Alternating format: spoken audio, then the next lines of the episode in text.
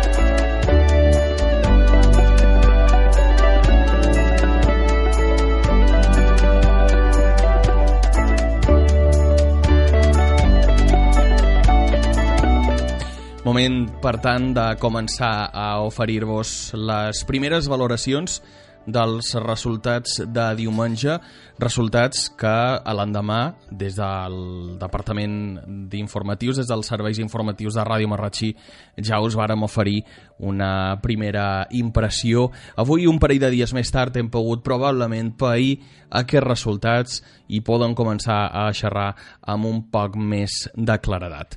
La primera persona que ens acompanya és el portaveu adjunt i regidor del Partit Popular a l'Ajuntament de Marratxí, Jaume Llompart, benvingut. Bones tardes a tots, benvingut, gràcies Martí. Avui ja dimecres, hora baixa, es veu gaire diferent del que va passar diumenge a la nit? Bueno, eh, sou, eh, jo diguem que, que està un poc més analitzat el, el resultat que, que no, diguem, no m'ho enganar, me'l va sorprendre un poquet aquesta, aquest tan bon resultat que van tenir. Nosaltres esperàvem que, que el resultat seria bo, que la feina que s'estava fent de les diferents institucions i el missatge del president Mariano Rajoy s'entendria un poc més i, i òbviament ara ja avui dimecres, com tu deies, una miqueta més analitzat, eh, tau, inclús taula per taula, fil per fil, nucli per nucli, hem pogut veure eh, aquesta milloria que han tingut el Partit Popular de Marratxí eh, en quasi mil vots més que, que les passades eleccions que les passades del mes de desembre, de desembre sí, efectivament senyor. hi ha hagut una pujada dels vots, del suport cap al Partit Popular. Això dins la formació, com s'ha rebut? Heu pogut ja celebrar la Junta Local? No hem celebrat, no hem celebrat Junta Local perquè, perquè nosaltres la Junta Local la vam celebrar abans de, de les eleccions. Òbviament, amb, amb la pròxima convocatòria de la Junta Local analitzarem aquest, aquest resultat i, òbviament, um, ho celebram amb una miqueta de, de contenció, és a dir, sense cap tipus d'eufòria, amb, eufòria amb els peus, amb els peus a terra, Martí, perquè, òbviament, mos queda molt per fer i, òbviament, no de, aquest resultat mos ha de servir per donar-nos una miqueta d'oxigen, per animar-nos, per seguir-nos, eh, perquè sapiguem que la gent està amb nosaltres, que vol que continuem fent aquesta feina i igualment, perquè no, òbviament, eh, que continuem aquesta, aquesta feina d'aquí dos anys i mig o d'aquí tres anys eh, el Partit Popular Marratxí torni a governar el nostre municipi. Com que no heu celebrat la Junta Local, encara no heu pogut fer aquesta anàlisi, però A nivell personal, senyor Joan Parta, què es pot atribuir a aquesta pujada eh, tan notable de vots de suports cap al Partit Popular? Bueno, jo mm, considero que és, és per molt de factors. Un d'ells serà perquè el missatge del president Rajoy eh, ha estat més clar i la campanya ha estat, ha estat una mica diferent de com s'havia fet fins ara.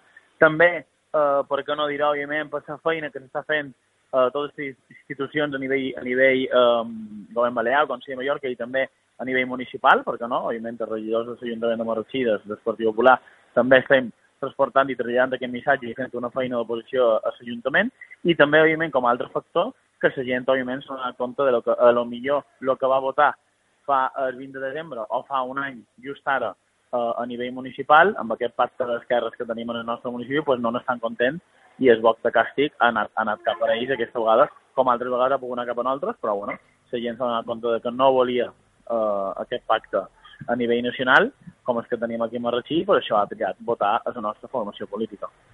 Com bé sap, senyor Llompart, l'Àgora de Marratxí és un programa obert a totes les veus, també a la ciutadania. Eh, ens acompanyen alguns marratxiners a l'estudi. Un d'ells el vol saludar, és Toni Seguí. Toni Seguí, per cert, benvingut al programa. Gràcies, bones tardes. Bones tardes, Toni. Hola, bones tardes, senyor Joan Part. Uh, he estat escoltant la seva paraula, indudablement a partir dels dos segons tot el més era política, estic clar, però va llamar molt l'atenció a la seva sorpresa uh, damunt aquests resultats. Va tranquil·litzat un poc que vostès mateixos estiguin sorpresos dels seus resultats? Bueno, senyor Seguí, um, òbviament la sorpresa ve de que esperàvem una milloria de vots, esperàvem que si la gent pel carrer i, i l'ambient notaven que la gent eh, estava més d'acord amb, nostre, amb les nostres idees, amb la nostra ideologia, amb més cansats, com bé dit també, amb, amb, les, amb les polítiques que se, se venen fent fins ara eh, a nivell municipal i a nivell, i a nivell, eh, a nivell econòmic, i per això la gent mos, mos va decidir donar més suport de la compte. Uh -huh. Òbviament, sorpresa en el sentit que no esperàvem, a lo millor, tanta diferència i tampoc esperàvem sorpresa amb el resultat que, per exemple, el Partit Socialista a Marratxí que hagués la quarta força política. Sí, sí, també sorpresa un poc global estic d'acord. Sí, ha estat sorpresa... És, és un poc en tot, és a dir, el resultat global també mos esperàvem, molt més, mos esperàvem perquè és una qüestió de sumes i restes. Si, mm -hmm. si les passades eleccions, el 20 de desembre, que el partit polític de Podem, de Més i d'Esquerra Unida sumaven 6.000 i pico vots, sí ara en sumen 3.000 i pico. Sí, jo no ho he pogut entendre, no ho he pogut entendre ni, ni digerir encara. Li, li puc dir clar, es, es podem sumen 4.383 vots. Efectivament, aprofitam, aprofitam, senyor Llom, per, per recordar les xifres. A Marratxí el partit més votat va ser el Partit Popular, 6.413 vots, Correcte. seguit de la coalició Units Podem Més, Unidos Podemos, amb 4.383 vots. A continuació, Ciutadanos, Ciutadans, Ciudadanos, Partido de la Ciutadania amb 3.529 vots i en quarta posició el Partit Socialista, el PSOE, amb 3.313 vots. Per cert, l'ordre igual similar al, al que es va produir a les eleccions del 20 de desembre. Sí, per això jo li deia al senyor Seguí que, bé, i li deia a tots, que d'aquí la nostra sorpresa un poc entre tots, és a dir, la nostra sorpresa perquè potser no esperaven tanta diferència de vots, sabien que havien millorat, sabien que la nostra política, els nostres missatges del president Rajoy i els missatges per Popular havia arribat un poc més a fora, havia arribat un poc més endins de la ciutadania, però tampoc també ens sorprenia molt la diferència de vots que hi havia el Partit Socialista, sobretot, que és l'altre partit majoritari a nivell nacional, i també la baixada de vots d'Units Poden Més, que, que, que teòricament havien de sumar molt més que, de, lo que, de lo que hi havien fet. Per això un poc la meva sorpresa a nivell general en, a nivell general de, de, de tots els resultats de tots els partits polítics, o la nostra sorpresa, millor dit. Ja. Senyor Llompart, la seva formació a nivell local assegura que ha aconseguit ser, Marratxí en aquest cas, el municipi, eh, el segon municipi que més vots populars s'ha aportat després de Palma. N'estem molt contents i orgullosos, jo crec que això és una feina de tots, ni tot és bo per una cosa ni tot és dolent per una altra, hi ha molt de factors, però jo crec que, com he dit abans, eh, els missatges per Popular la gent el vol, la gent l'entén, i per què no la feina de regidors des de l'oposició, en aquest cas, com es toca l'oposició, i estem, òbviament, amb molt d'orgull, i un no, però sí que s'està veient i la gent s'està donant compte que en realitat el que volen és Partit Popular eh, governant, i per això eh, som, com tu has dit, Martí, el segon municipi de tota Balear o de tota Mallorca, no ho sé ara, que porta més vots d'aquí de Palma, que és la capital, i per, per número d'habitants eh, ha de ser el que més n'aporta. Per tant, un, és, un, és un luxe i un orgull per tots nosaltres que realment els veïnats, els nostres veïnats de, del municipi, en realitat el que volen és govern popular les institucions. No li demano un desig, li demano eh, que em pensa. Mariano Rajoy, el president en funcions, tornarà a ser elegit? Tornarà a, a tenir els vots suficients? Aconseguirà assolir un acord amb alguna altra formació per tornar, per seguir en aquest cas president del govern? El meu desig, com a polític, eh, és que sí, òbviament. Com a votant també diré que sí, òbviament no me n'he d'amagar el meu vot. I, I com a ciutadà espero que sí. Espero que sí per una sola raó. La gent, òbviament, ja no volia segones eleccions, tampoc en vol de terceres. Jo crec que d'aquí tots els partits polítics n'han après, i si no, n'haurien d'haver après. I crec que aquesta vegada sí que ja ha quedat més clar, i encara amb, un, amb una diferència més grossa respecte a segon, que la gent, els espanyols, el que volen és que Mariano Rajoy sigui president i que el Partit Popular governi el govern d'Espanya. Per tant, òbviament, sí que s'hauran d'arribar pactes, cosa que jo m'ho pareix una idea, una, una, una solució excel·lent, perquè com més abarquem, molt més tranquil serà, serà el govern i, i, i la ciutadania així, així ho podrà viure. I en realitat el que la gent vol és això, per tant jo crec que sí que se posaran d'acord, arribaran a, a, qualsevol tipus d'acord, lo millor a l'hora d'investidura i governs i acords puntuals a lo llarg de la legislatura, però sí que aquesta vegada Mariano Rajoy eh, és el que ha donat la primera passa de voler formar govern perquè per segona vegada ha guanyat unes eleccions i aquesta vegada amb més diferència de vots. Per tant, crec que sí que Mariano Rajoy, i vull que així ho sigui, sigui el nostre president. Jaume Jompart, regidor del Partit Popular, portaveu adjunt a l'Ajuntament. Gràcies per intervenir en directe Gràcies a l'Àgora de Marratxí. Gràcies per convidar-me i una salutació a tot, Toni. I que demà tingueu, per cert, senyor Jompart, un feliç dia de Sant Marçal.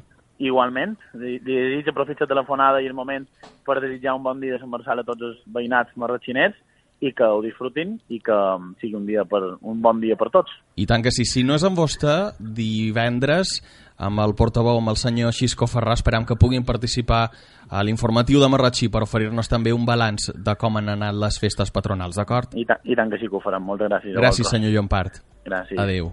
Adéu.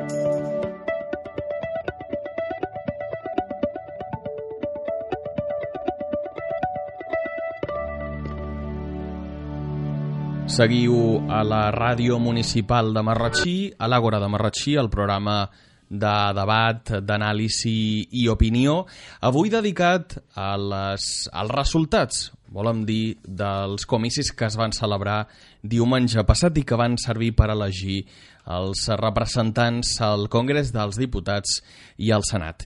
Qui ens acompanya a continuació és Batlle de Marratxí i regidor de Més per Marratxí, Joan Francesc Canyelles. Benvingut al programa una vegada més. Hola, bones tardes. En el seu cas, quina és l'anàlisi, la valoració que ens pot oferir dels resultats de diumenge? Bé, el primer de tot, eh, dir que les enquestes serveixen de molt poc, perquè ha quedat bastant demostrat que, que les enquestes no són, no són de fiables, no tenen absolutament res, i que moltes vegades són eh, senzilla manipulació, no? Però des de, de, de resultats eh, electorals, el primer de tot que hauria de dir, i vull dir, és, és que una tranquil·litat absolutíssima a totes les meses electorals, fora incidències uh, d'aquest tipus ni un, uh, a tot, a tot Marratxí, del nostre territori, i també dir que ha estat una campanya que, que la gent ja n'estava cansada i que, bueno, nosaltres vam fer una, una proposta des de l'equip de govern dels altres partits de no embrutar Marratxí, de no fer una despesa innecessària en, en tema de cartells i pancartes i, i portat el Marratxí de dalt a baix a, a un nivell electoral i un, un nivell de brutícia. I, bueno, tothom ho ha respectat, no, no, ha hagut, no ha hagut deis per carrer, només han estat penjats a les tanques publicitàries que estaven polades per, per aquesta qüestió i en aquest sentit molt satisfets, molt satisfets perquè no, no ha hagut de llevar ni un sol cartell que no estigués que, que estigués penjat a la via pública, ni, ni papers per terra, ni, en fi, en aquest sentit, una, una campanya exemplar. Uh. En els resultats és una altra història, perquè, no sé, jo, no, no, no, aquest, eh, clar, les segones voltes són un poc delicades, en el sentit de que eh, ja no és tot jugador a, a, a un temps, sinó que llavors ja influeixen a veure si s'ha format govern, si no s'ha format govern, a veure eh, cada un és com, com ho ha expressat, com ho ha jugat. bueno, en aquest cas el PP, que això es va fer molt bé, ha jugat en el, en el missatge de sa por, i aquest missatge li ha donat un cert, un cert resultat i ha tingut un resultat molt millor que el que havia tingut al desembre. Una cosa també que, que, que també hem de dir, que me pareix increïble, és que no, que, que diguéssim, que s'hagi premiat eh, el tema de la corrupció, el tema de, de, de tantes, tantes imputacions per malversació de fons públics, en fi, no sé, és que eh, socialment que, que serà un, que, que un fracàs, sincerament, que dic, democràticament molt bé, però a nivell social no, no, no, no, no, no sé, és que, que, que precisament eh, els partits que estan immersos o que tenen moltes persones immerses en casos de corrupció i malversació de fons públics, eh, precisament haurien de ser castigats, no haurien de ser premiats. I després, clar, eh, aquí hi havia, veurement, si, si eh, Podemos eh, era l'alternativa per liderar una, un intent de formació de govern, bueno, i s'ha dit clarament que, que no, que no ha estat una, que no ha estat una alternativa, i que la gent que, o una part important que se va estendre, o que no va anar a votar, que era votants de, del PP, pues, senzillament han decidit ser de l'altre i ha donat aquest, aquest resultat, tant a les Balears com a nivell d'estat. Bueno. Segurament, senyor Canyelles, és molt mal d'explicar el fet que el 20 de desembre per separat Podem, Podemos, Esquerra mhm. Unida, també més per Mallorca, aconseguissin uns resultats que en conjunt no han pogut, com a mínim, repetir, sumar. Sí. Bé, el tema de les coalicions no és un... Això no, no, no, no, no són sumes. No és eh, matemàtica pura. No, matemàticament. No, no, no, no són sumes matemàtiques. I, I en aquest sentit també, clar, també dir que en aquest cas eh, com a, com a més per Mallorca, era una coalició que, que, que, que han fet, per, més, més que res perquè com que no havien aconseguit els, primers, els, els diputats eh, uh, a la primera volta, uh, vol més si ho aconseguíem a la segona, però també tenien clar que era un, com un matrimoni de, com, de conveniència, no? Perquè uh, realment uh, no, no tenim ni el mateix ideari ni el mateix plantejament. Uh, de, diguéssim, de programa electoral, amb, amb algunes coses sí, però no exactament en tot. I el tema d'Esquerra Unida també s'ha vist, perquè també s'ha vist a nivell nacional, a nivell de tots, de tots els estats, que, que tampoc no ha sumat, no ha sumat aquell milió de vots que s'esperava, que, perquè Esquerra Unida tenia un milió de vots, que, i uh, no, no s'ha sumat aquest milió de vots a, a la candidatura de Podemos, i clar, això el que ha duit és que senzillament no, no s'ha no tingut no s'ha tingut aquesta, aquesta pujada que, que s'esperava mm -hmm. i que mhm. les enquestes donaven, curiosament, però llavors la realitat ha estat una cosa diferent. Sí, ha estat un dels aspectes probablement uh, més cridaners, ara uns dies després, tant les enquestes prèvies com les pròpies enquestes a peu d'urna que es publicaven diumenge a les 8 del vespre just amb el tancament dels col·legis electorals. sí. sí, de, tot, de totes maneres, que d'això de les enquestes, perquè aquí hi ha un, un detall que, que, que, que, que és important, en, en el sentit de, de quan les coses se donen per fetes, hi ha una sèrie, una sèrie de, de, de, de gent, de persones, que no se mouen, no? que són indecises, que no s'acaben de moure, i, i clar, llavors fa que l'extensió uh, siguin, siguin precisament uh, votants, han estat votants d'aquesta coalició de Podemos, uh, Esquerra Unida, uh, en aquest cas a Balear més, però a altres, altres indrets uh, hi estàvem en compromís a València, uh, a Catalunya, i clar, s'ha vist aquesta diminució, perquè totes les enquestes ho donaven per fet, tot per fet, tot per fet, però a l'hora de, de, de, de dir les votacions s'ha d'anar a votar, perquè no se poden donar les coses perfectes, no? Mhm. I el que no, que no entenc de cap de les maneres, eh, per exemple, València, que, que també està imputat pràcticament de, de dalt a baix tot el, govern, el govern, el govern anterior, eh, que, que, que pugui treure una majoria. És que no, és una cosa tan a nivell social que, que, que, que no els volen ni mica. Gens, però, perquè persones honrades n'hi ha per tot, però, eh, no sé, que, que, que prem- premiar precisament eh, la corrupció és molt, mal- molt mal, molt mal assumpte, molt, molt, molt, molt, a nivell, a nivell de dia a dia m'ho fa molt de mal, m'ho fa molt de mal en, en tema de credibilitat i en, en tema de gestió, és evident, però també eh, que, que, quina societat volem, si premiem això? No sé, realment deixa un poc descol·locat. Com bé saps, som un programa obert a la participació de la ciutadania. El vol saludar Toni Seguí, veí de sa Cabaneta. Hola, Joan Francesc, bones tardes. Hola, què tal, Estava Toni? molt, molt assustat, però tranquil·litza perquè jo me'n vaig anar a dormir diumenge eh, amb una emprenya que no ni m'aguantava damunt el llit, però el cent demà va veure el diari. I no Sí. me va fixar en les notícies, me'n vaig anar més enrere. Programes más vistos de televisió, Sí, que ja sap quins són que Supos- Telecinco i el campionat de futbol. Supos que són els que- eh, tu fixa't en sa campanya d'en en sa campanya d'en Rajoy que va fer corre, que el pobre té un estil que fantàstic, i varen fer Telecinco, no varen fer res més. Amb això Sí, sí, l'han sí. fotut. sí, sí. I Sí. sí. també l'esquerra que està molt disseminada. I a Mallorca més. sí. Perquè aquí no té enveja d'aquell que és d'esquerra, jo som més i tu en més. Mm, sí, sí. Aquí jo crec que tot el tema ha estat així, la veritat encara no ho he pogut digerir, però no vos queda més remei, no? Sí, bueno, Ara- això, això, és el que ha volgut el conjunt de la societat, no? Malament, No, eh, no és el conjunt de la societat, és un 33 de 50, que per Ja, jo no, no és vàlid. Per jo no és vàlid, però és la llei. Sí, bueno, no és vàlid perquè l'altre percentatge que no, ja- no, no, exacte, perquè ja no se va moure. va fartar de, ser, de xerrar amb gent de la cabaneta. Tio, no, que puta, he d'anar a votar jo. Ja, per què? Que faci Claro. el que vulgui. Tanmateix mos robaran tots igual.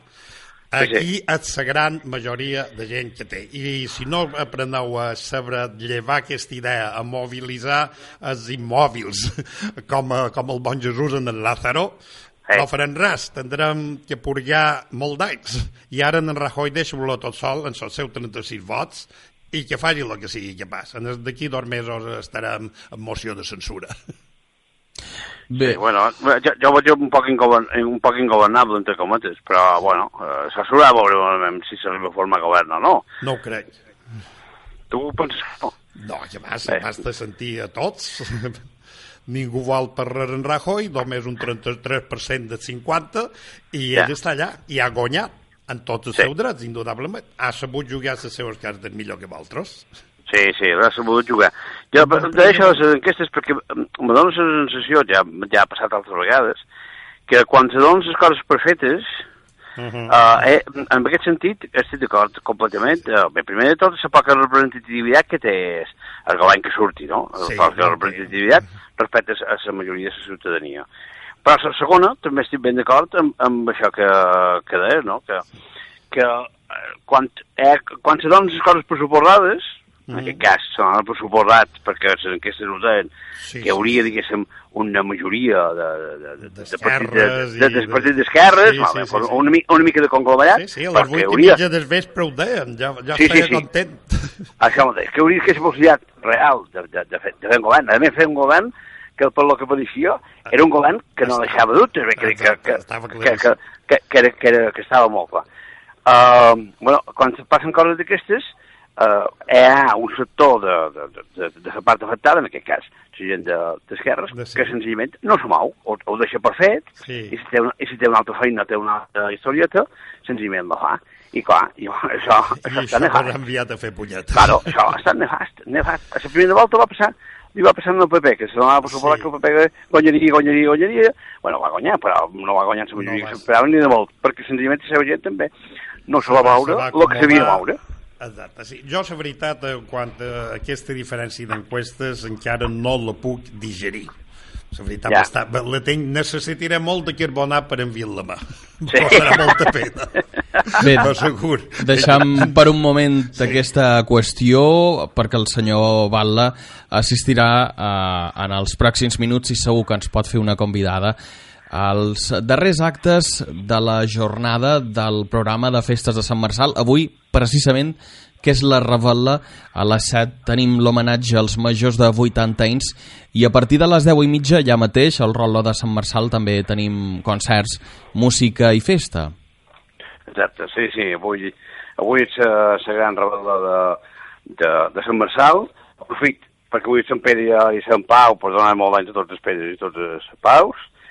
I bé, i convidar tothom a, a gaudir d'aquest final de festa de Sant Marçal, que enguany especialment ha tingut una, una alta, altíssima participació, falta el dia, el dia clau, un, un d'ells és avui, i també, eh, evidentment, eh, demà.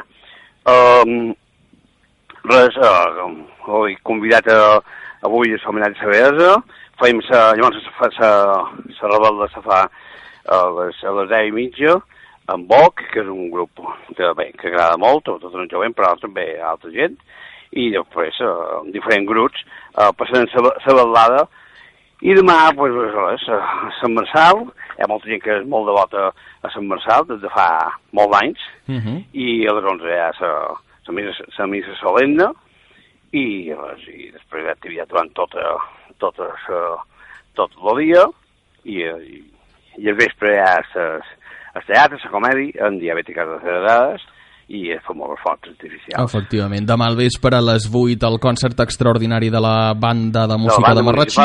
A les 10 eh, el grup Diabètiques Acelerades presenten Gran Bufet Cases Brutes i a la mitjanit el castell de focs artificials que posarà el punt i final Sí. a les festes.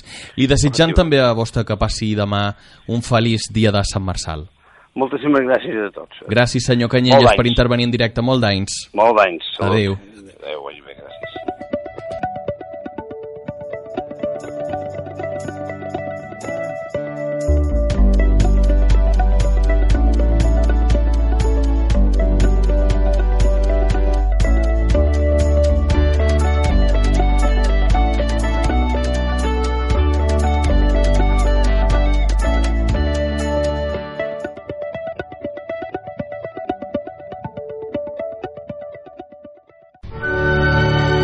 Hola, soy Fernando López y te espero todos los miércoles entre las 10 y las 12 de la noche con entrevistas, reflexiones y sobre todo con la mejor música de todos los tiempos.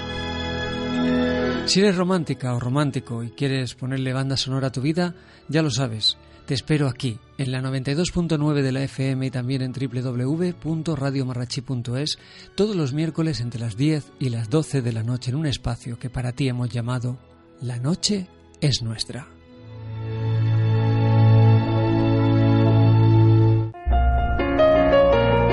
Tus deseos son órdenes.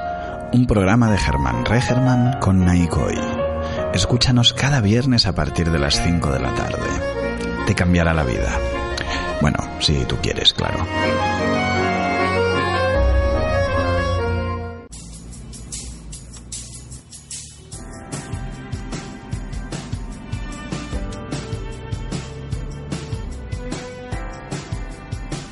Seguim en directe quan són ja les 6 i 38 minuts del capvespre.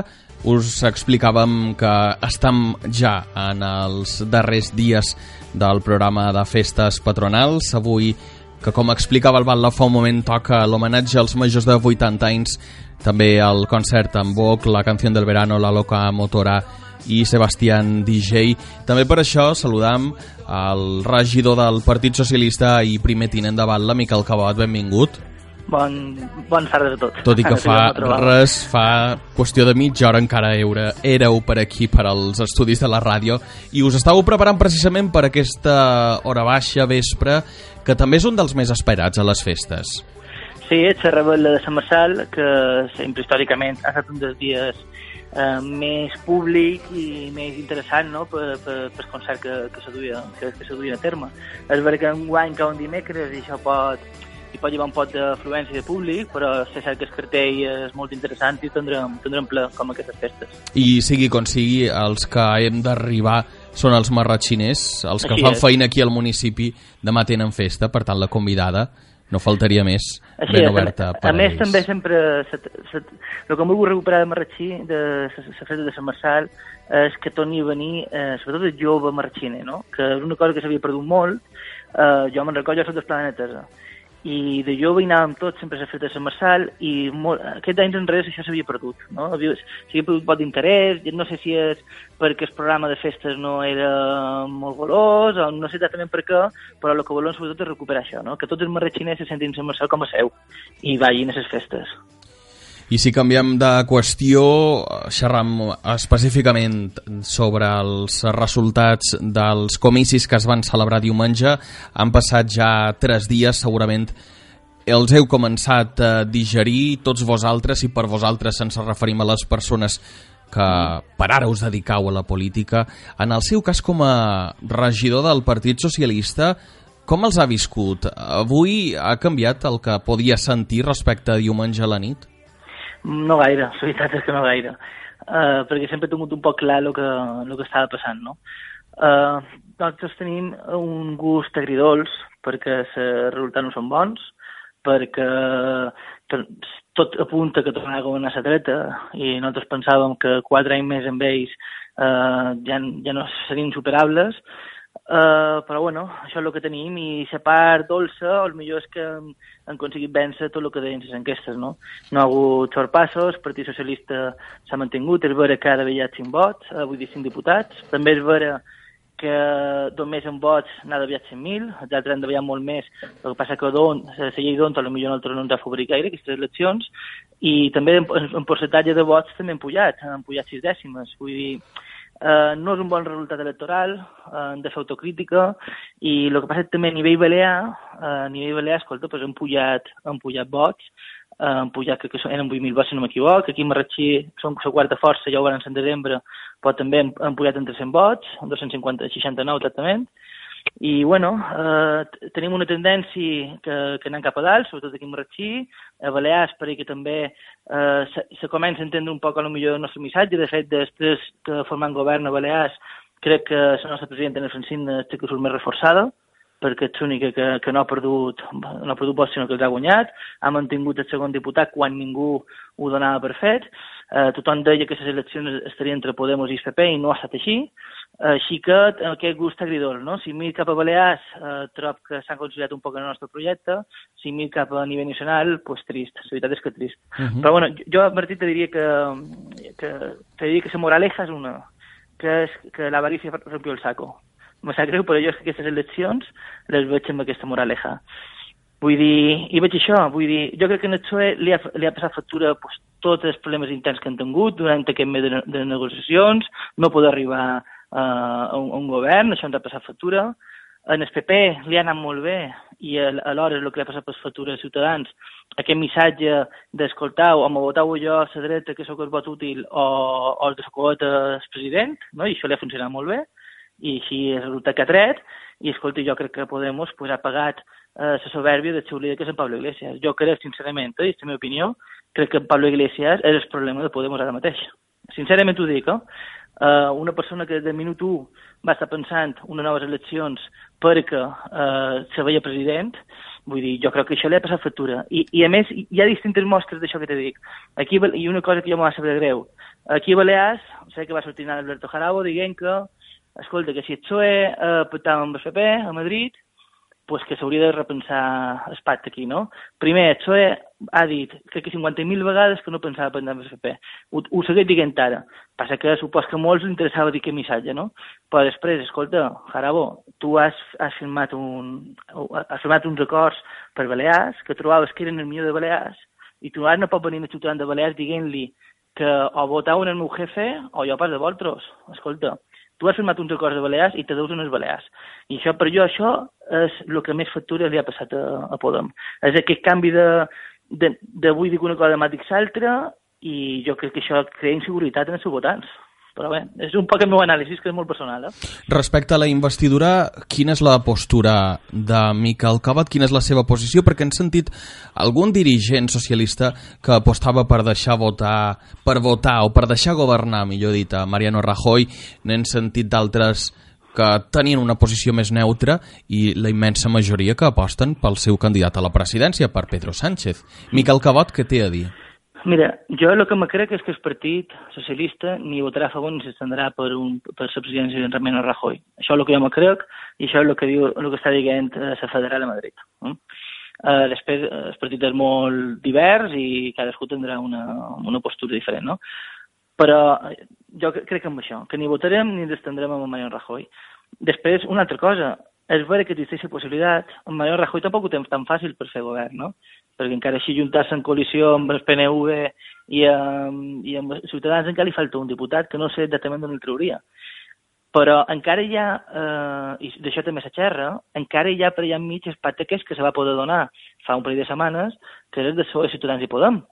De la manera que sigui, no sé si és PSOE Podem en l'extensió de Ciutadans, si és PSOE Ciutadans en l'extensió de Podem, no ho sé, però encara això existeix, perquè jo el que penso ara fent mirar enrere és que aquell projecte, aquell pacte que va presentar PSOE en Ciutadans, que no era el pacte que, que més ens agradava en el, en el votant de PSOE, això sincerament és així, però uh -huh. era el pacte que hi havia en aquell moment.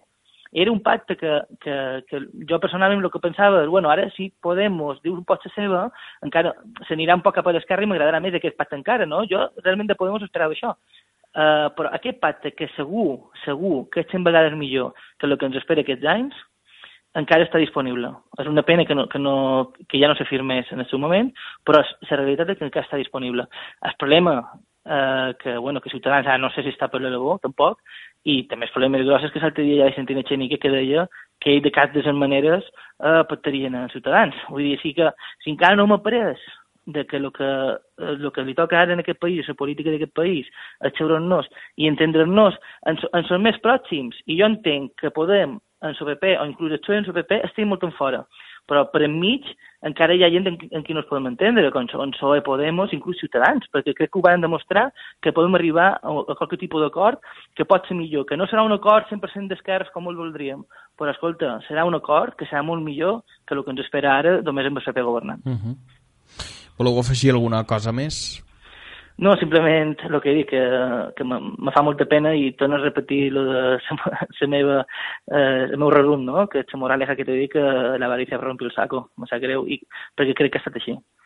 Miquel Cabat, únicament ens queda desitjar-li per demà molt d'anys i que passeu un feliç dia de Sant Marçal, també una bona rebel·la. Exacte. Igualment, Martí, espero que no ens veiem molt bé per, Sant Marçal. De ben segur que sí. Gràcies, senyor Cabot. Molt bé. Adéu. Adéu. Gràcies.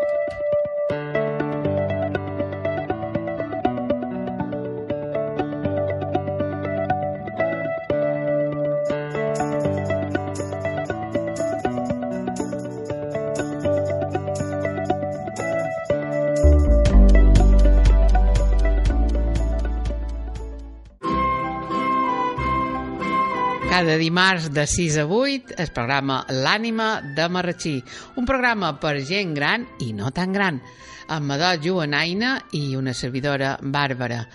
Bé, i jo som Madó Joanaina, ho repetim els dimecres a les 10.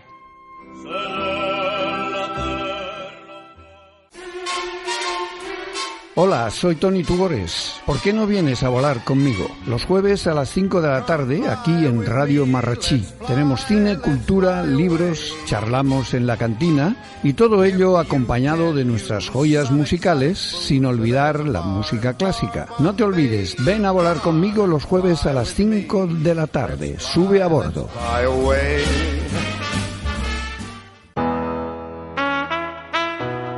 Debatiendo con niños cada martes de 5 a 6 de la tarde con Carmen Pérez, Debatiendo con niños, un programa de radio donde los niños son los protagonistas. Sus opiniones son tan válidas como la de los adultos.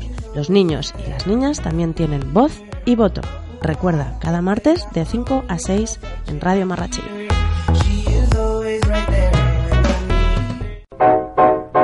Hey aquí Radio Jazz Café el programa de Ràdio Marratxí on explicam la història del jazz. Ja ho saps, cada dimecres de 7 a 8 de l'hora baixa a la sintonia de Ràdio Marratxí 92.9 de la FM.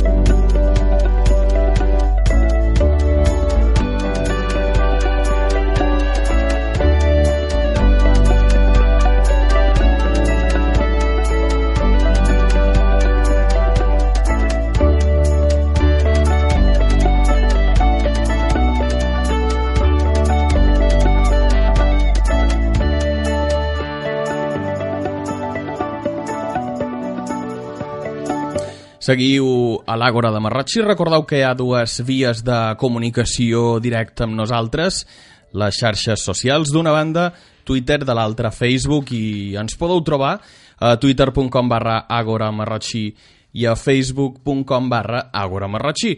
Avui, tres dies després de les eleccions generals, en què continuem fent eh, debat, anàlisi i mirant també quin pot ser el futur més proper que ens espera. Ho fem tot seguit amb Toni Manjova, i que és regidor de Som Guanyem Marratxí. Benvingut. Hola, bones tardes, què tal? Gràcies. Uh, vostè, uh, ara ja, en dimecres, que segur que hem pogut pair els resultats, uh, què trobau?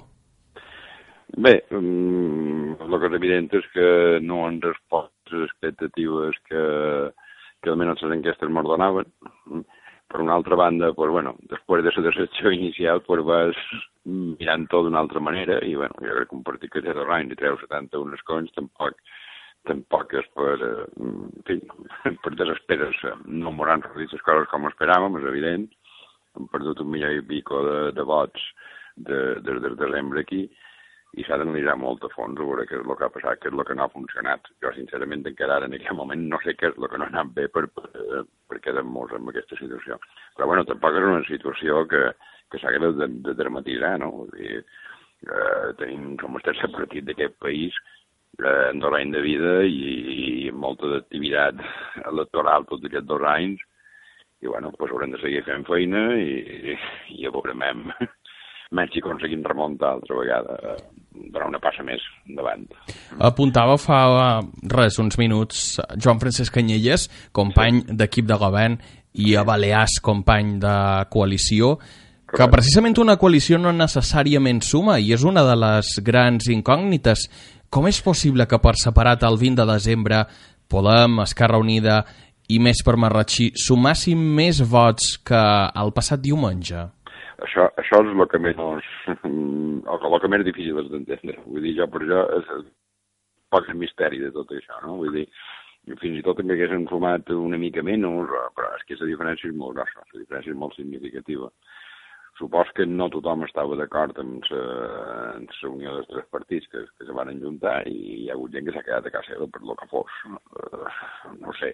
bueno, això és una evidència. Vull dir que hi ha hagut gent que s'ha quedat a casa seva, està clar però no sé el motiu, vull dir, majoritàriament pareixia que era una coalició que, que s'afallava i sempre, sempre hem criticat des de fora que l'esquerra té el problema d'anar sempre per separat i d'estar dividida i tal. Una vegada que ens juntam, pues pareix ser que no, no ha funcionat. És dir, jo la veritat és que m'és molt difícil ara donar-te pautes d'anàlisis perquè crec que tot el partit ara mateix està implicat en, en, en, en arribar a qualque conclusió. Han trobat la resposta a la pregunta, eh? Sí, és que preguntes ara en tenim moltes, respostes quasi cap. Ben poques.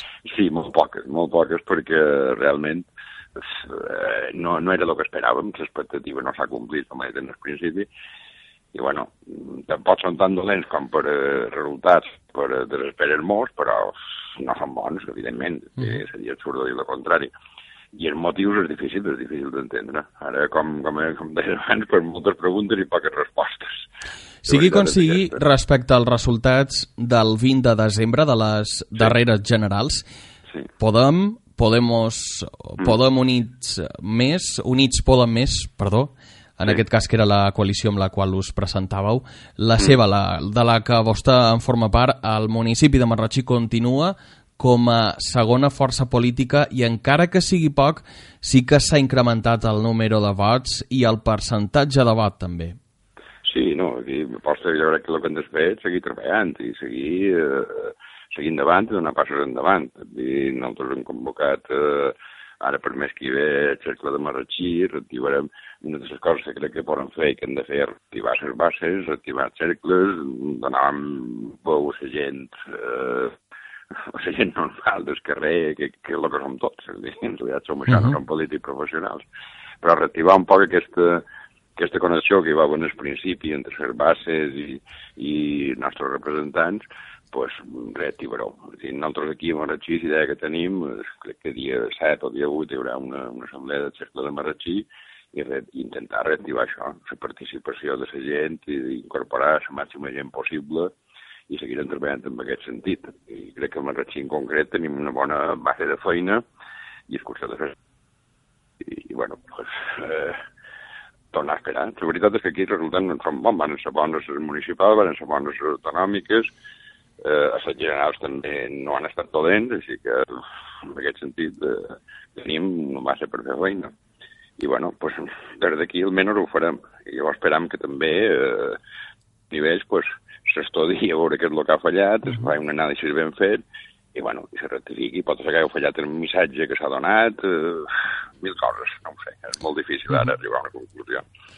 Respecte a la participació, aquí a l'Aura de Marratxí sempre procuram fomentar-la.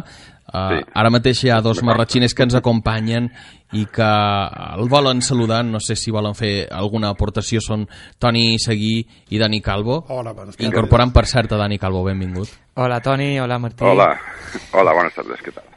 Uh, jo, si m'ho donau dos minutets, jo només hi volia dir en Toni que sí. molta de sort, i uh, molta de força per aquesta nova tasca que han pres fa, fa relativament poc. Sí. I segona, reafirmant-me el que ha dit ell, un partit que té dos anys i està com a tercera força d'un país tan fanàtic políticament com és Espanya, no està gens malament. Perquè no, no hem d'oblidar que Espanya té una política un poc, uh, un poc de fan, com si -hmm. es tractés d'equip de futbol i això mos durà, pot durar molt sí. d'anys rompre. Sí, també m'agradaria que, que, que se sentís més eh, el tema polític és futbolístic, ja que has fet la referència. No, no, perquè clar. Que està, perquè és més dramàtic que perdi, que perdi la selecció de futbol a vegades que, que la situació social i tal. A veure. Perquè hi ha un drama si perds la selecció, però la situació social, bueno, eh, si hi ha futbol me l'oblidem d'ella. Sí, ojalà, ojalà si tenir una consciència un poc més desenvolupada. Cosa que m'agrada el futbol, m'agrada el do, però crec que cada cosa... Ha de tenir seu lloc. Hem de tenir prioritats. Ha de tenir seu lloc, correcte, correcte. Indudablement. Aquí en Rajoy va saber, bones tardes, va saber fer molt bé com en Nerón. Pan i circo. Claro, està ben I a més crec que ho ha convocat aquests dies un poc a postes. La gent pensava en el futbol. Sí. I varo aconseguir motivar molt bé la gent en els mitins. Uh, crec que varo ser que tinguéreu més gent a, a Palma almenys, per aquí no me sí, va sí. fixar. Sí, I llavors sí. no varen venir uh, quan tocava. Això els, Sí, eh, aposta, aposta deia abans que és que és difícil analitzar això. Efectivament, jo crec que no hi ha cap força política ara mateix, cap, cap, que sigui capaç de convocar 5.000 persones. De fet, ja no ho van ni intentar. Mm -hmm. Els altres partits van ser actes petits, diríem, de reduïdes dimensions, perquè sabien que no podien convocar. Nosaltres, en canvi, convocam un, un míting, venen 5.000 persones, però... I il·lusionades, en llanes anaven. Sí, sí, sí, sí, sí, correcte, correcte. Incluïts la gent de més, incluïts la gent d'Esquerra Unida, sí, sí. pressupostos de Podemos, donava un efecte, jo me vaig anar del míting molt content, molt content de veure-ho. Però llavors deu haver pesat per darrere aquest, de, i aquest veïnat és més d'esquerres que jo, jo som més d'ell, ara no hi aniré. Jo crec que ha pesat molt esquerat a Mallorquí, esquerat a Vajós, esquerat a, i ara aquest de Podemos, que se, que se pensen, jo som de, sí, de Som i jo som de Més i jo som d'allà. Aquí ha fet molt de mal i no ha aconseguit juntar eh, idea a tope. Uh, no, això, això estic d'acord amb tu, eh? Vull dir, no hi ha hagut, mm, jo recordo en el mític, però dic un detall, que, bueno, de més petit ara tampoc el de menys citar una altra, perquè no se tracta de, de cap no. tipus d'acusació, un anàlisi, no? Però Vull dir, tots duíem unes camisetes d'unitat, Unidos Podemos, en Moncog, en Corderà, tal. Sí, bueno, pa- hi havia uns altres hi havia grupets que anaven en camisetes d'aquest, del partit aquest, és a dir, com a marcant diferències, no? I de Doncs Bart, possiblement míting l'únic que no m'ha agradat, això. Si, si anaven junts, hi havia unes camisetes unitàries, però eren aquestes les que havien de dur. Aquí. Això ja, ja me va preocupar una miqueta, entens? Perquè... No, no, hi vas fer bé perquè llavors s'ha demostrat.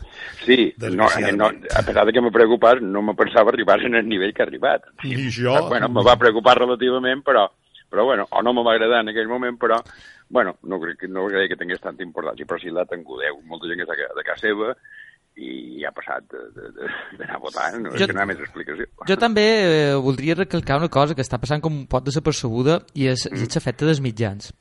De, de primeres Home, claro. pareixia... Eh, hi havia les dues vessants. Primera, eh, si guanyava aqu eh, aquest partit seria un drama, sí. perquè de repente sí. mos eh, traslladaríem a Sud-amèrica, Sí, i, i, sí. i de segones és que ja donaven per fet de que no només adelantarien en el PSOE, sinó que adelantarien en el PP, el que fa un efecte crida en els partits majoritaris per, eh, que mos passen per damunt.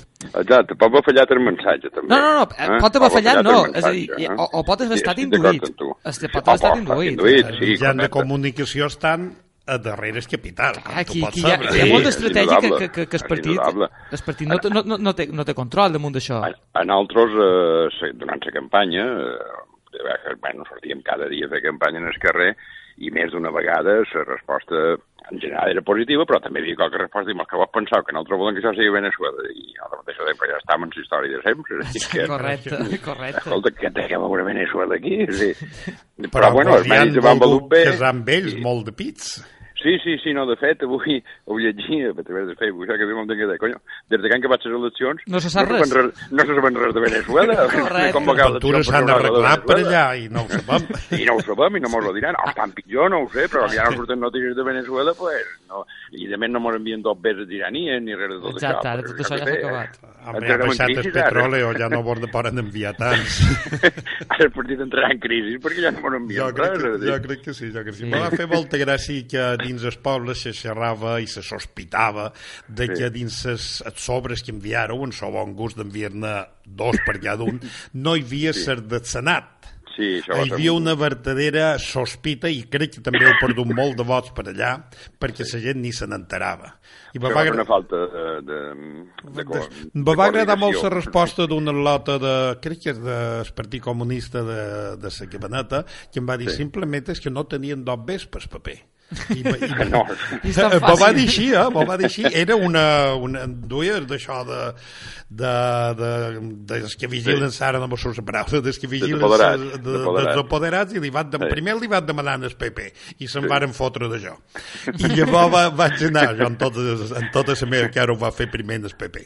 I llavors uh, vaig anar a ella i va dir, no, és que no tenien dos bes, només en podien pagar una. No, Jo no sé si era així o va ser un Després, error. posteriorment, van arribar a ser de Senat. Bueno, No, no, que a meu almenys no va arribar, no? No, no, no, no, no, no, no evidentment, ja, llavors ja no se va fer un altre botoneo, però ja s'havia fet. I, Ah. i hasta a meva van arribar, només, com dius tu, només Sí, de sí, va ser un comentari generalitzat en gent que coneix. Sí, sí, sí, és, hi va haver aquí una falta Van arribar terces papeletes i, clar, no havien d'haver repartit res fins que tinguéssim totes. En canvi, se va fer un botoneo, crec que a través de correu, perquè a mi, crec, perquè a mi em va arribar a de correu i m'ho va tirar dins el buzón, no No, jo la tenia dins el buzón, però no sé si era una persona que l'havia duit. No, que va ser, ser de correu, dic, pues serà que serà que l'han enviat a través de correu. Però vull dir, a la millor haurien d'haver esperat a que arribassin les altres paperetes. Si tardàvem una setmana més, no passava res. Sí, sí, sí, per perquè endavant. hauva vergonya de gent de cercar la papeleta i que no el vegin posant secs. Sí, sí, sí, sí. De fet, m'ho n'han demanat moltes durant la campanya. Eh, Dutxen els sobres ja tancats Ah, eh, figura. per, per anar a votar. Dir, Sí, sí, no, això és completament en sèrio. Vull dir, però això ja me va passar a les anteriors eleccions ja mos passava, dic, molta de gent deia, no, no, donem quatre sobres, o per quatre persones, o sigui, quatre Mare sobres... Això és algo que mai, mai he arribat a Jo entendre. tampoc, jo, tampoc. jo el primer que va posar en el meu Facebook he cumplido mi deber, he votado a Unidos Podemos como debe ser, i tal, i va tenir naturalment moltes fotudes, gent que se'n fotia, gent tal. Sí, sí, he hagut que de clar. temporal, indudablement. Pues ja, ja, ja, Senyor, senyor Manllova, a través de Twitter li formulen una pregunta. És Pedro Juan Serra. Uh, diu que se'n recorda quan vostè va dir uh, que tant el Partit Popular com Ciutadans uh, no farien mai majoria.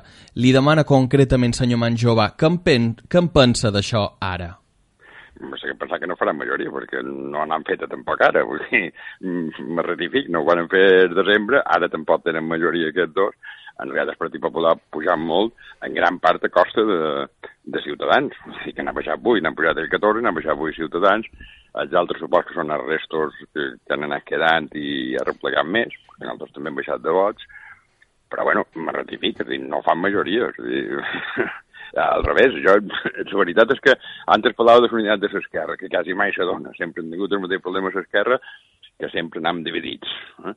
Mm, aquesta vegada m'ho han juntat i tampoc m'ho anat massa bé, la veritat és aquesta.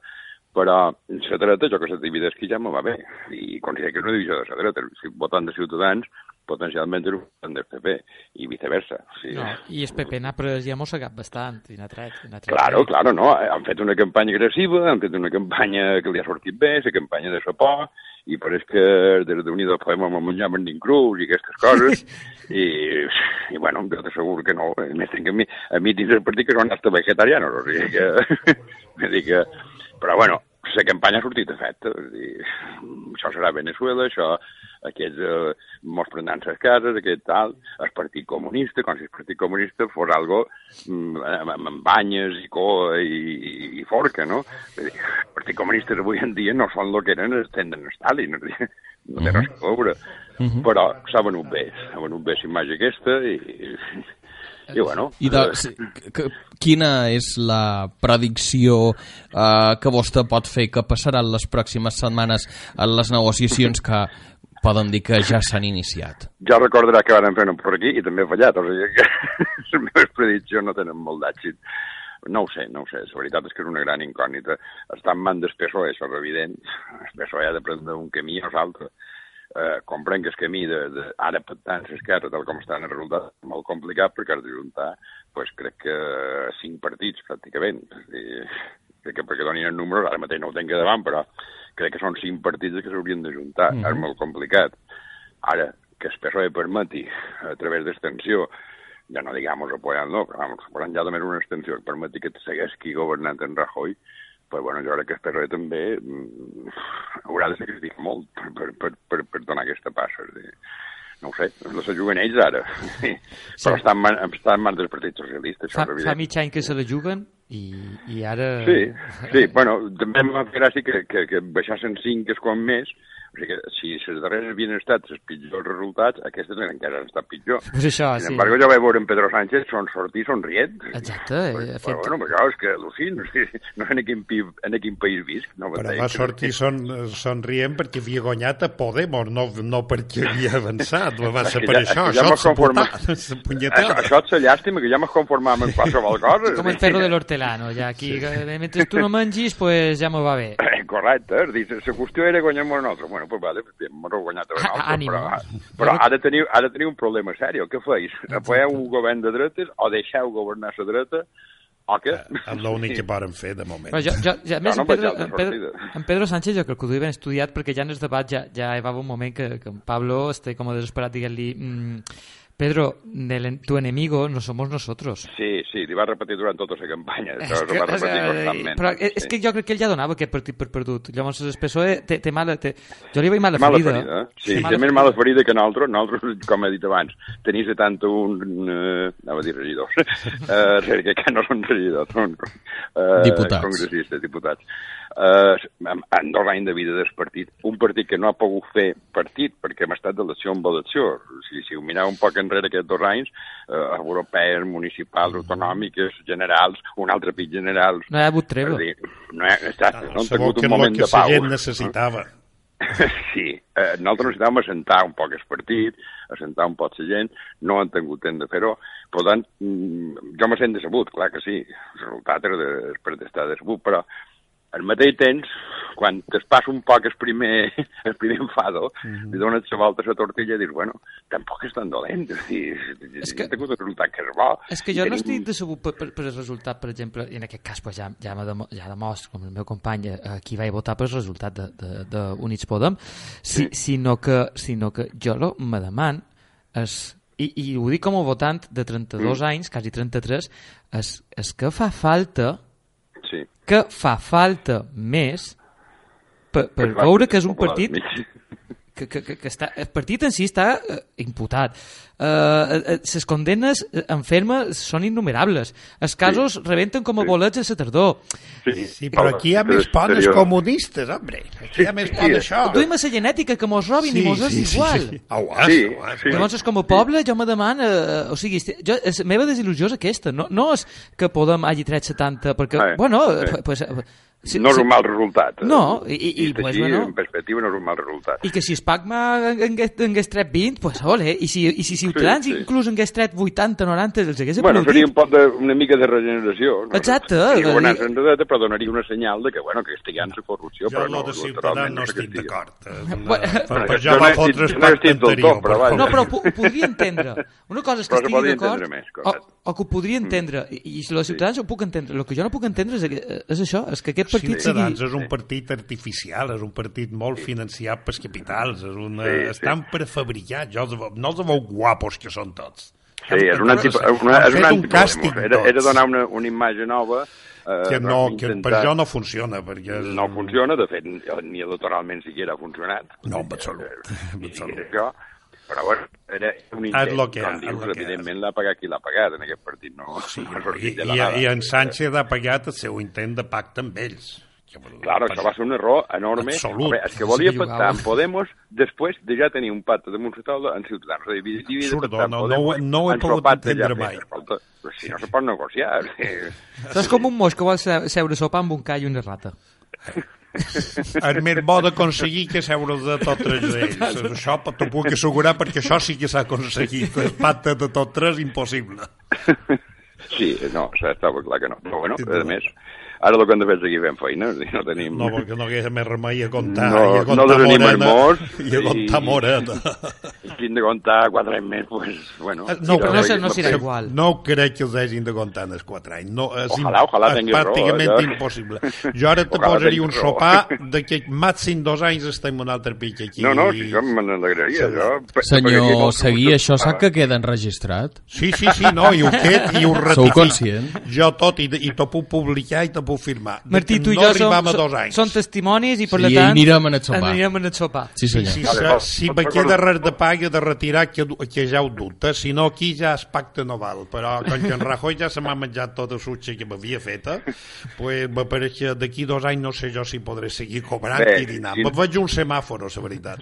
Si no, si no poden fer bon sopar, pues, jo que sé, per començar l'any d'aquí dos anys, l'any que ve no d'aquí dos anys, pues, vam a fer un hamburguer allà, jo que sé. Ah, exacte, com a molt ribarem en aquestes... Sí, No, millor a posar d'aquí.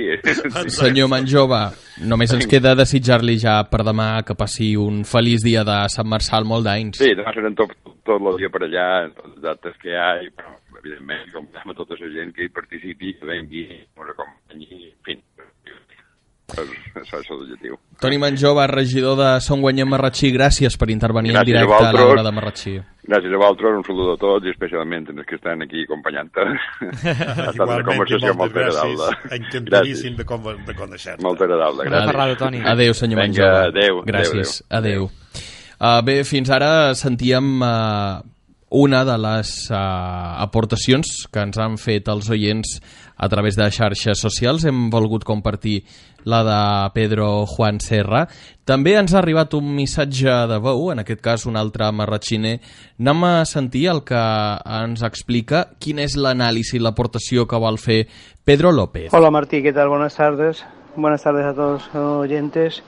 Pues bueno, mi opinión personal es que en, esta, en estas elecciones ha primado el miedo sobre la voluntad popular, el miedo a, a posibles gobiernos que no tienen bagaje, bagaje, eh, todos sabemos que- de qué estamos hablando, estamos hablando de, de de Unidos Podemos, el miedo a que esta unión de partidos pudiera tener un resultado electoral alto, ha condicionado muchísimo estos comicios y evidentemente ha perjudicado a partidos como por ejemplo Ciudadanos, que es evidente por el proceso y como no, hay que ser críticos también al PSOE. Eh, PP se ha beneficiado claramente, claramente está está amortizado el tema, el tema de corrupción política interna en el partido. No lo entiendo. No, esto no se podría amortizar en la vida en ningún país eh, medianamente democrático, pero España es, diferente y tenemos que asumirlo. Eh, previsiones para un futuro gobierno mm, son muy complicadas. En principio, si todos se mantienen en sus posturas iniciales, estamos abocados a unas terceras elecciones, lo que sería un auténtico desastre. Eh, creo que al final, eh, dada la intransigencia de Pablo Iglesias a un posible gobierno o, un posible pacto entre Unidos Podemos, Ciudadanos, PSOE, pues está abocado, solamente queda una solución, es que o bien que gobierne en minoría el PP, o bien eh, junto con Ciudadanos con la abstención de PSOE, no queda otra, no queda otra, o bien abocarnos a esas terceras fatídicas y poco deseadas elecciones. Bueno, queda a vuestra disposició, buenas tardes i un saludo per a tots. Era Pedro López, un altre marratxiner que volia mostrar també el seu punt de vista, el seu posicionament respecte als resultats de diumenge passat de les eleccions generals i respecte a la possibilitat d'arribar a algun acord, no sé aquí, tant Toni com Dani, com heu rebut les seves paraules. Bueno, jo estic d'acord amb ell en, en, en la primera part de la seva intervenció. Eh, no entenc aquest país, no l'entenc. És, dir, és que no, no sé què fa, fa falta més. És a dir, que, que se mengin ells els nins crus, com deia antes Antoni, davant de la de de tele, davant del plasma que en Rajoy empleava per explicar lo de Luis C. Fuerte. No sé, què, què més fa falta per demostrar que no mos podem fiar d'ells? El que no estic d'acord és el segon. És a dir, que jo no estigui eh, a favor de que una persona sigui president no vol dir que estigui a favor de que l'altre ho pugui ser. Uh, si jo no estic d'acord amb un partit com Ciutadans, com he de voler uh, facilitar-los aquest govern? A més, quan no tenen els, els escons que els hi fa falta. Uh, a més, no és que ho posen com a si ell fos el culpable, perdona, és que ha volgut jugar en aquest triàngulo d'amor bizarro que ningú entén, van a ser els altres dos. I per què m'estàs demanant? Que mengi lletuga quan t'ho dic la lletuga, que mengi salxitxes quan t'ho dic la carn, i, i per això són culpables jo? De, per, jo, per això és culpa meva? No, escolta, no, no. Les coses no van així. Per dir la meva opinió o per expressar la meva postura, jo no soc culpable de res. Jo penso que l'única solució que tenim ja no val més la pena xerrar ni donar culpes ni res. Crec que el que s'hauria de fer és estenir-se a tothom, deixant aquest bon home amb els seus 36 diputats que provi de fer res, que serà res, perquè ell tot solet no en sap, uh, i llavors deixa-lo menjar, deixa-lo cremar-se, patirem més a Espanya, però també patiríem molt més amb un govern seu amb apoy de Ciutadans i PNV o qui fos. Jo, si fos si pogués comandar, diria, ala, governa tu, que t'ho has guanyat, Men que faràs uns 136 diputats, faria una oposició ferosa i molt constructiva, intentaria demostrar a la gent que el que jo apoi és realitat i és veritat, mai apoi eh, estic, estic d'acord amb ell també amb això ara uh -huh. ja no se tracta de, de, de, de, de burinar i de cercar Anna Maria per la cuina allà Uh, bueno, de, pues, també de, de demostrar la resta d'espanyols, de compatriotes, uh, escoltau, això és el que uh, han volgut, se suposa, no? Pues anem, a, anem a veure com funciona. Mm, estic segur que funcionarà malament i si jo estigués a l'oposició faria que se'n recordassin d'aquesta oposició, ho faria que se'n recordassin d'aquesta oposició. L'has de fer molt ben fet, o sigui, Exacte. Molt, amb molta finura, amb molta... Ningú diu que surtis allà a faltar respecte ni dir desbarats. No, no, no, uh, a ser intel·ligents, a jugar amb molta astúcia, uh, a ser una guineu, uh, Sí, senyor. És ser una guineu, però no deixen de passar ni una. I, i, i, i que haurien. Mm -hmm, sí, manera. Mm -hmm, sigui com sigui, eh, amb aquest, en aquesta campanya segurament la polarització que ja existia, eh, la separació ideològica s'ha incrementat entre certes persones i hem pogut assistir a xarxes socials principalment entre persones que han estat votants o que són militants o simpatitzants del Partit Popular d'una banda i de Podem, d'Units Podem, en aquest cas, de l'altre. Heu assistit eh, als insults, a les paraules gens afortunades que s'han produït en un sentit i en l'altre. Què en penseu? que no han de ser així. O sigui, simplement les coses se poden dir molt ben dites, eh, posant raons fermes davant sempre i deixar-se de coionades, parlant clar, perdoneu la paraula, no, perquè n'hi ha hagut massa dins aquesta campanya. Exacte. Jo, jo crec que, que, és, que, que és tal qual com ha dit, i a més és, és que es, els mitjans de comunicació amb això hi juguen un paper molt clau si no te compten les coses com són realment, presten a confusió, tant d'una banda com de l'altra, això s'ha de deixar clar, sempre passarà. El que passa és que aquest, pa aquest país té, té una cama un poc més curta que l'altra i, i, i tendeix sempre a girar cap al mateix costat, però bueno... No, tu pensa una cosa, eh, eh, qui, paga, qui en paga manda. eh, llavors tots, eh, tots els mitjans de comunicació estan eh, a, a l'abast de qui els paga. Exacte. I estan pagats tots. N'hi ha qualcuns que m'agraden, i avui que m'agradin la cesta i companyia i, i que, que, que et diuen per aquestes veritats però per l'ovit no són per tots els espanyols aquestes veritats i n'hi ha molt que s'estimen més la TV1 o, o tot lo manipulat és que, és que els mitjans de comunicació, i més ja en el segle XXI, aquí on estem, a l'època de les xarxes socials, on un, perdó per l'expressió, eh, se tira un pet i ja han, ja han estirat la cadena, saps? Mm, mm, tot fa massa via i la gent llegeix titulars poques vegades notícies. Eh. i tot una compartir i compartir i compartir i compartir. I jo he d'admetre que en el principi de les xarxes socials estic super motivat i, i creia, i creia molt amb això. Llegir el titular i va, vinga, vinga, una no. nova d'en Rajoy vinga, i vinga, compartir. I a vegades me, me, els meus companyers en, en Tomeu Canyelles que si mos escolta li manda una, una ferrada ell que és molt savi amb aquestes coses m'ha dit tio, uh, no te deixis dur per titulars. I li vaig fer cas, i és vera, hòstia, és que de la notícia la realitat... Clic, clic damunt, t'ho llegeixes i llavors veus eh, notícia de l'any 85.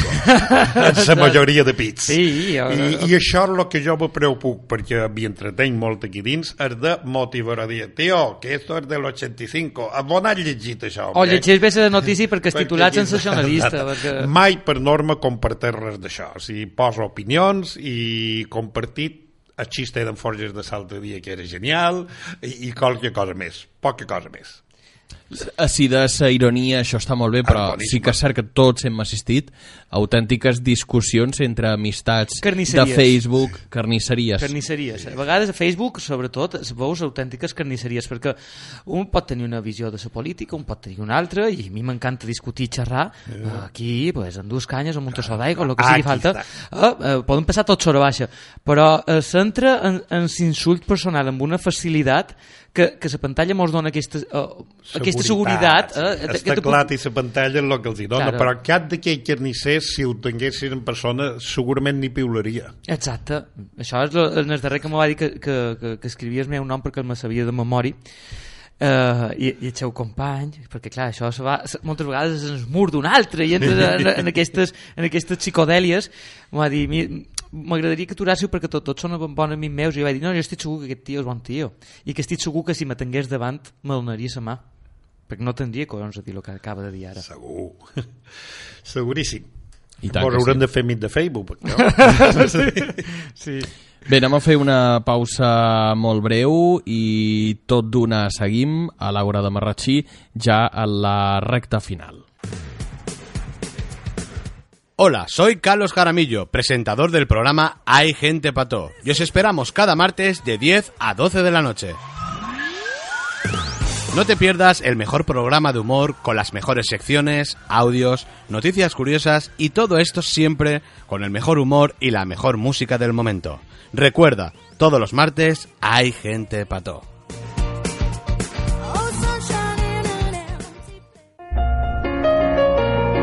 Tus deseos son. Un programa de Germán Regerman con Naikoi. Escúchanos cada viernes a partir de las 5 de la tarde. Te cambiará la vida.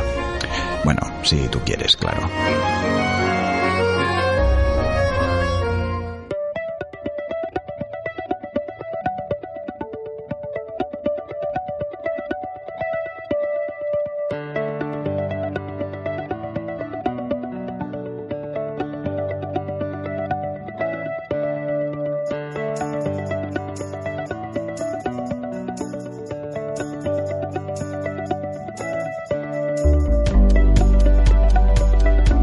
Seguiu a l'Àgora de Marratxí. Fins ara eh, hem pogut conversar amb alguns regidors de la corporació.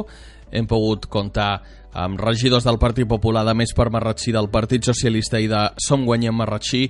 Fins ara ens ha estat impossible, no hem pogut localitzar la regidora d'Independents de Marratxí, al Pi, però qui sí ens acompanya ja en directe és el coordinador de l'agrupació local de Ciutadans. El vàrem tenir la setmana passada en el debat preelectoral en polítics i avui per fer l'anàlisi, com no pot ser d'altra manera, també volíem comptar amb ell. Marcos Pinela, bienvenido, buenas tardes. Buenas tardes, Martín. En su caso, desde el domingo a hoy miércoles, ha podido asimilar ya los resultados. No sé cuál es el análisis que nos puede, el análisis que nos puede ofrecer. Sí, bueno, la verdad es que nosotros de Ciudadanos estamos contentos porque realmente hemos obtenido los mismos resultados. Aunque antiguamente, en el 20D tuvimos 40, hoy tenemos 32, pero es que la cantidad de gente que no votado es la misma. Lo que pasa es que ha habido un alto absentismo y eso nos ha preocupado un poco. Pero bueno, consideramos desde nuestro punto de vista que ha sido un buen resultado. Y por su parte, considera que Mariano Rajoy debe ser el próximo presidente, debe volver a ser reelegido como presidente al ser la lista más votada, como desde el propio partido eh, se está explicando. Bueno, este, es, ese, ese tipo de análisis lo tienen que hacer prácticamente el líder Albert Rivera y la ejecutiva, porque ellos son los que tienen que negociar y ver realmente si en, en qué condiciones están o no están. Lo que sí tengo claro el día de hoy es que Albert Rivera se va a sentar a conversar con, los, con ambos partidos políticos y lo que va a hacer es no pactar sillones, pactar propuestas y reformas, como es el caso de la ley electoral, que en este caso a nosotros nos jugó en contra. Pero sí, no, no tengo la respuesta si vamos a apoyar a Rajoy o no. Lo que sí tengo claro es que Ciudadanos va a sentarse a conversar con ambos partidos políticos para llegar en un consenso a propuestas y modificar ciertas cosas que nos, nos vendría bien a, todo, a toda la gente en España. En su caso, por cierto, uh, ¿cómo valoran los resultados dentro del municipio de Marrachí? No sé si han podido analizarlos. Sí, claro que sí, y la verdad es que estamos súper contentos, porque a pesar de tener prácticamente un año en la agrupación en Marrachí, nos hemos convertido en la tercera fuerza política. Si alcanzamos a ver los resultados, hemos obtenido aproximadamente 3.529 votos. 3.529 votos. Exactamente, un 19.15%. Efectivamente, son de las formaciones que han restado. De hecho, de los cuatro principales partidos, de los cuatro que han obtenido más votos, son el único que ha restado algunos votos. Exactamente. Pero lo que pasa es que ha restado eh, porque por el alto grado de absentismo, que aproximadamente es un 31%, muy alto.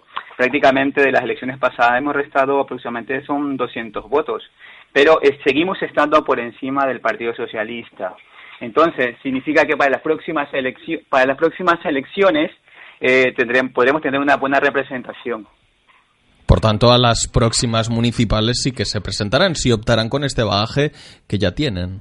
Exactamente. Vamos a, vamos a tratar de trabajar para mantener como mínimo este ratio de votos y queremos ver si podemos superarlo. Tenemos un arduo trabajo por delante y seguramente nos presentaremos para las próximas elecciones. En el estudio somos un programa abierto a las opiniones, a las voces de los ciudadanos, de los vecinos de Marrachí. Contamos con Dani Calvo, también quiere saludarle. Hola, buenas tardes, ¿qué tal? Buenas tardes. Yo quería hacerle una, una visión desde fuera. Claro. este, este tono triunfalista, cuando, cuando se pierden tantos, tantos diputados, es una manera de decir que aquí el que no se consuela es porque no quiere. No, no. ¿Sabes lo que pasa? Es que mucha gente decía que nosotros los partidos del centro íbamos a desaparecer porque íbamos a ser absorbidos o nuestros votos iban a ir a la izquierda o a la derecha.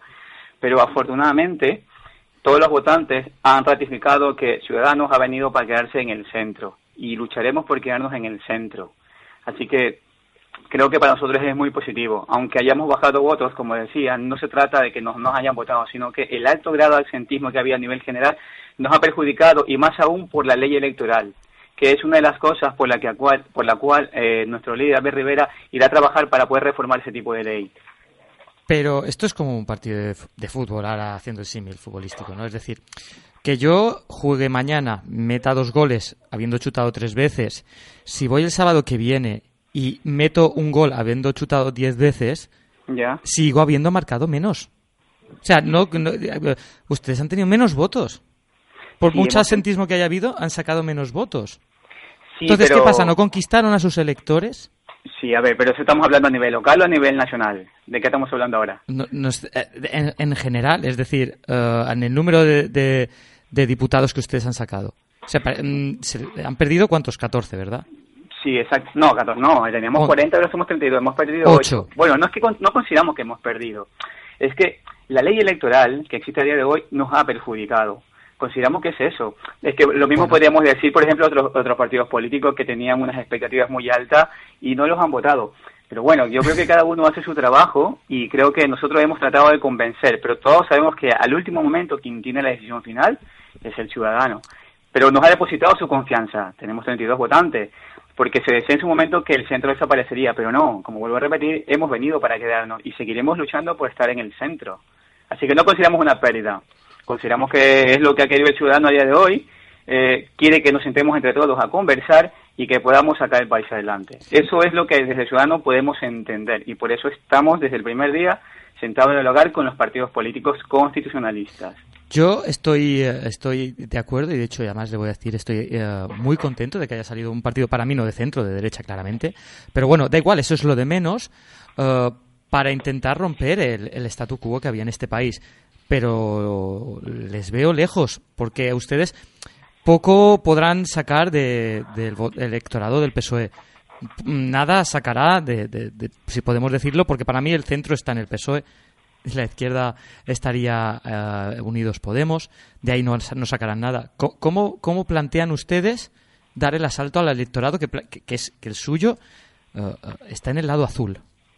En el lado azul, bueno, lo del lado azul siempre nos van diciendo en ciertas ocasiones que somos de izquierda, otras veces nos dicen que somos Ah, de de, derecha. de izquierda no pueden decirles nunca que Correcto, son. Correcto. ¿Sabes lo que pasa? Si ustedes ven nuestro programa, nuestro programa político, nuestra página web, verán que tenemos muchas propuestas sociales. Bueno, tenemos tener pro- pero tener, perdón que le interrumpa y no, juro que no lo volveré a hacer. Vale. Ah, tener propuesta social no implica ser de izquierda. Tener No, no, no, propuesta claro, social claro significa no. tener un poco de sentido común porque en el fondo la política somos personas. Por supuesto, es que me refería a esto, que tenemos propuestas sociales y tenemos propuestas en ciertas medidas liberales. ¿Pero por qué? Porque justamente estamos en el centro. Siempre se nos ha catalogado que somos de derecha y nosotros seguimos insistiendo que somos de centro. Que si bien es cierto, hay ratios como por ejemplo en la izquierda, la extrema izquierda, o la izquierda que se va hacia el centro. Nosotros estamos en el centro, si bien es cierto, en el centro también puede haber cierto ratio alguna tendencia hacia la pequeña izquierda, una pequeña tendencia hacia la derecha, pero nosotros seguimos manteniéndonos en el centro. Esa es nuestra postura y así inclusive nos di- lo dicen nuestros estatutos. Pero usted cuando... eh, yo para hacer una, una aclaración. Vale. Cuando habla- hablamos de, de- de izquierdas y de derechas, hablamos de... porque estamos en el siglo XXI y espero Claro. que no vuelva a suceder lo que pasó a principios del siglo XX. Yo no entro a, catalogar la izquierda y la derecha como es, eh, sentimental, por decirlo de alguna manera, ¿vale? Vale. Eh, la- izquierda y la derecha sentimental eh, me gustaría que quedara un poco olvidada y nos adaptáramos a los tiempos nuevos. Por lo tanto, en estos tiempos nuevos el neoliberalismo para mí sería la derecha. Sería el, el modelo americano, por decirlo de alguna Vale. manera. Yo creo que Ciudadanos casa más con eso, que no un modelo más social. Bueno, es que nosotros, nosotros tenemos una especie como de ecuación que decimos, tenemos que crear riqueza para poder repartirla a la sociedad. Lo que no se puede hacer es repartir a la sociedad algo que aún no se ha producido. Entonces, si bien es cierto, nuestras propuestas en muchos aspectos son liberales, pero porque son necesarias para poder crear riqueza, porque también lo que no puede ser es que solo nos convertamos en dar, dar, dar sin producir. Entonces, quizás en ese aspecto me decís, ¿no? Pero nosotros mantenemos ese equilibrio. Eh, propuestas liberales para soluciones sociales. Pero mm, es que, sí, de acuerdo. Ahora yo me pregunto, ¿en serio es un pa- España, y en este caso Baleares, son regiones o un país en el cual no se produce? Recordemos el, el- el, la abrumante cifra de turistas que vamos a tener este año en las Baleares. ¿De verdad alguien me puede hacer creer a mí que no se produce la suficientemente riqueza como para que una camarera de hotel gane más de mil euros al mes? O sea, de repente, de, de, de, verdad alguien se cree que va a venir el señor Meliá o el señor Riu aquí delante mío y va a decir, no, es que yo no gano lo suficiente como para poderle subir 200 pavos a la camarera de piso. ¿Es, ¿En serio? ¿En serio va a creer alguien que me lo diga? ¿Desde su yate? ¿Desde Malibú? ¿Alguien, va, me, ¿Alguien cree que yo me lo voy a creer? Claro, la riqueza se puede generar, pero la riqueza no se queda en el país. Ah, ese es el visto, problema. Porque hemos visto últimamente en las noticias a dónde va estas riquezas. Lamentablemente es eso. Pero lo que plantea Ciudadanos es justamente cambiar ciertas leyes para que ese tipo de riqueza se quede en el país, se invierta en el país y sea distribuida en la gente. Lo que hay que evitar es eso.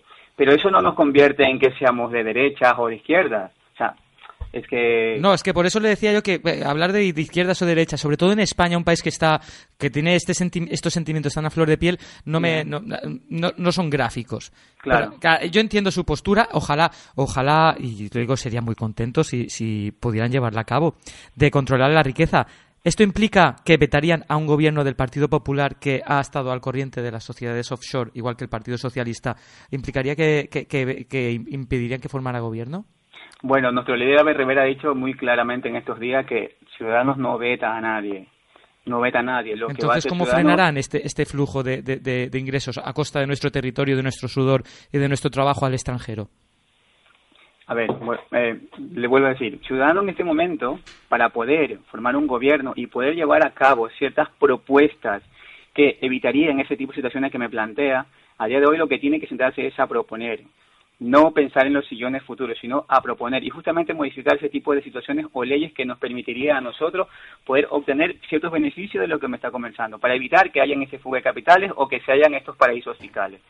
Pero lo importante ahora es sentarse a dialogar, porque Ciudadanos no tiene la suficiente eh, eh, diputados, ni es decisivo en este momento como para poder tener una tendencia.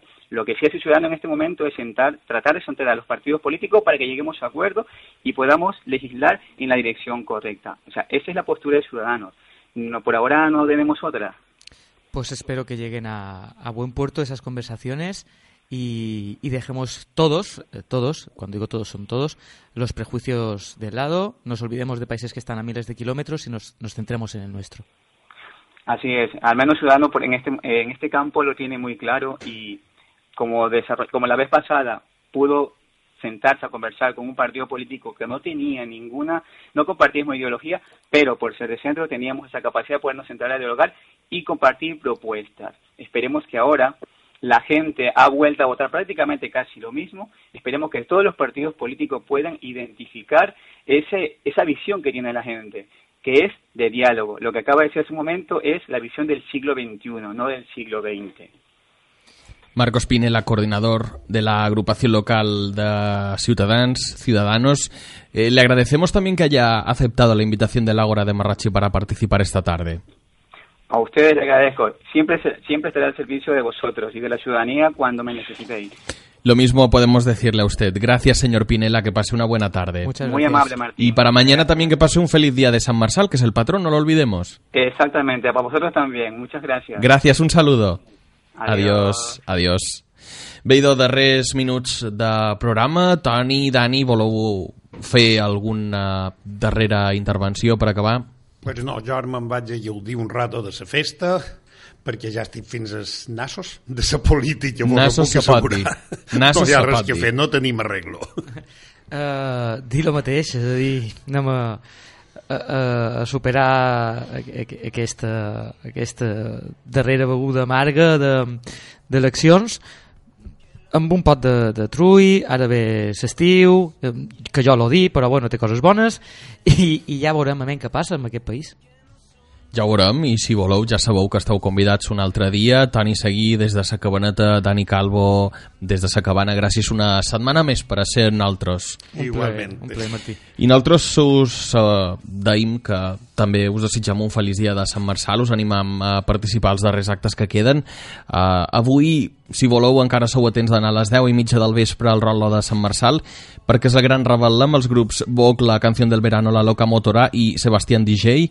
Demà, dia del patró. A les 11 del migdia trobareu la missa solemne a l'església de Sant Marçal, amb ball de l'oferta càrrec dels balladors de Raiguer.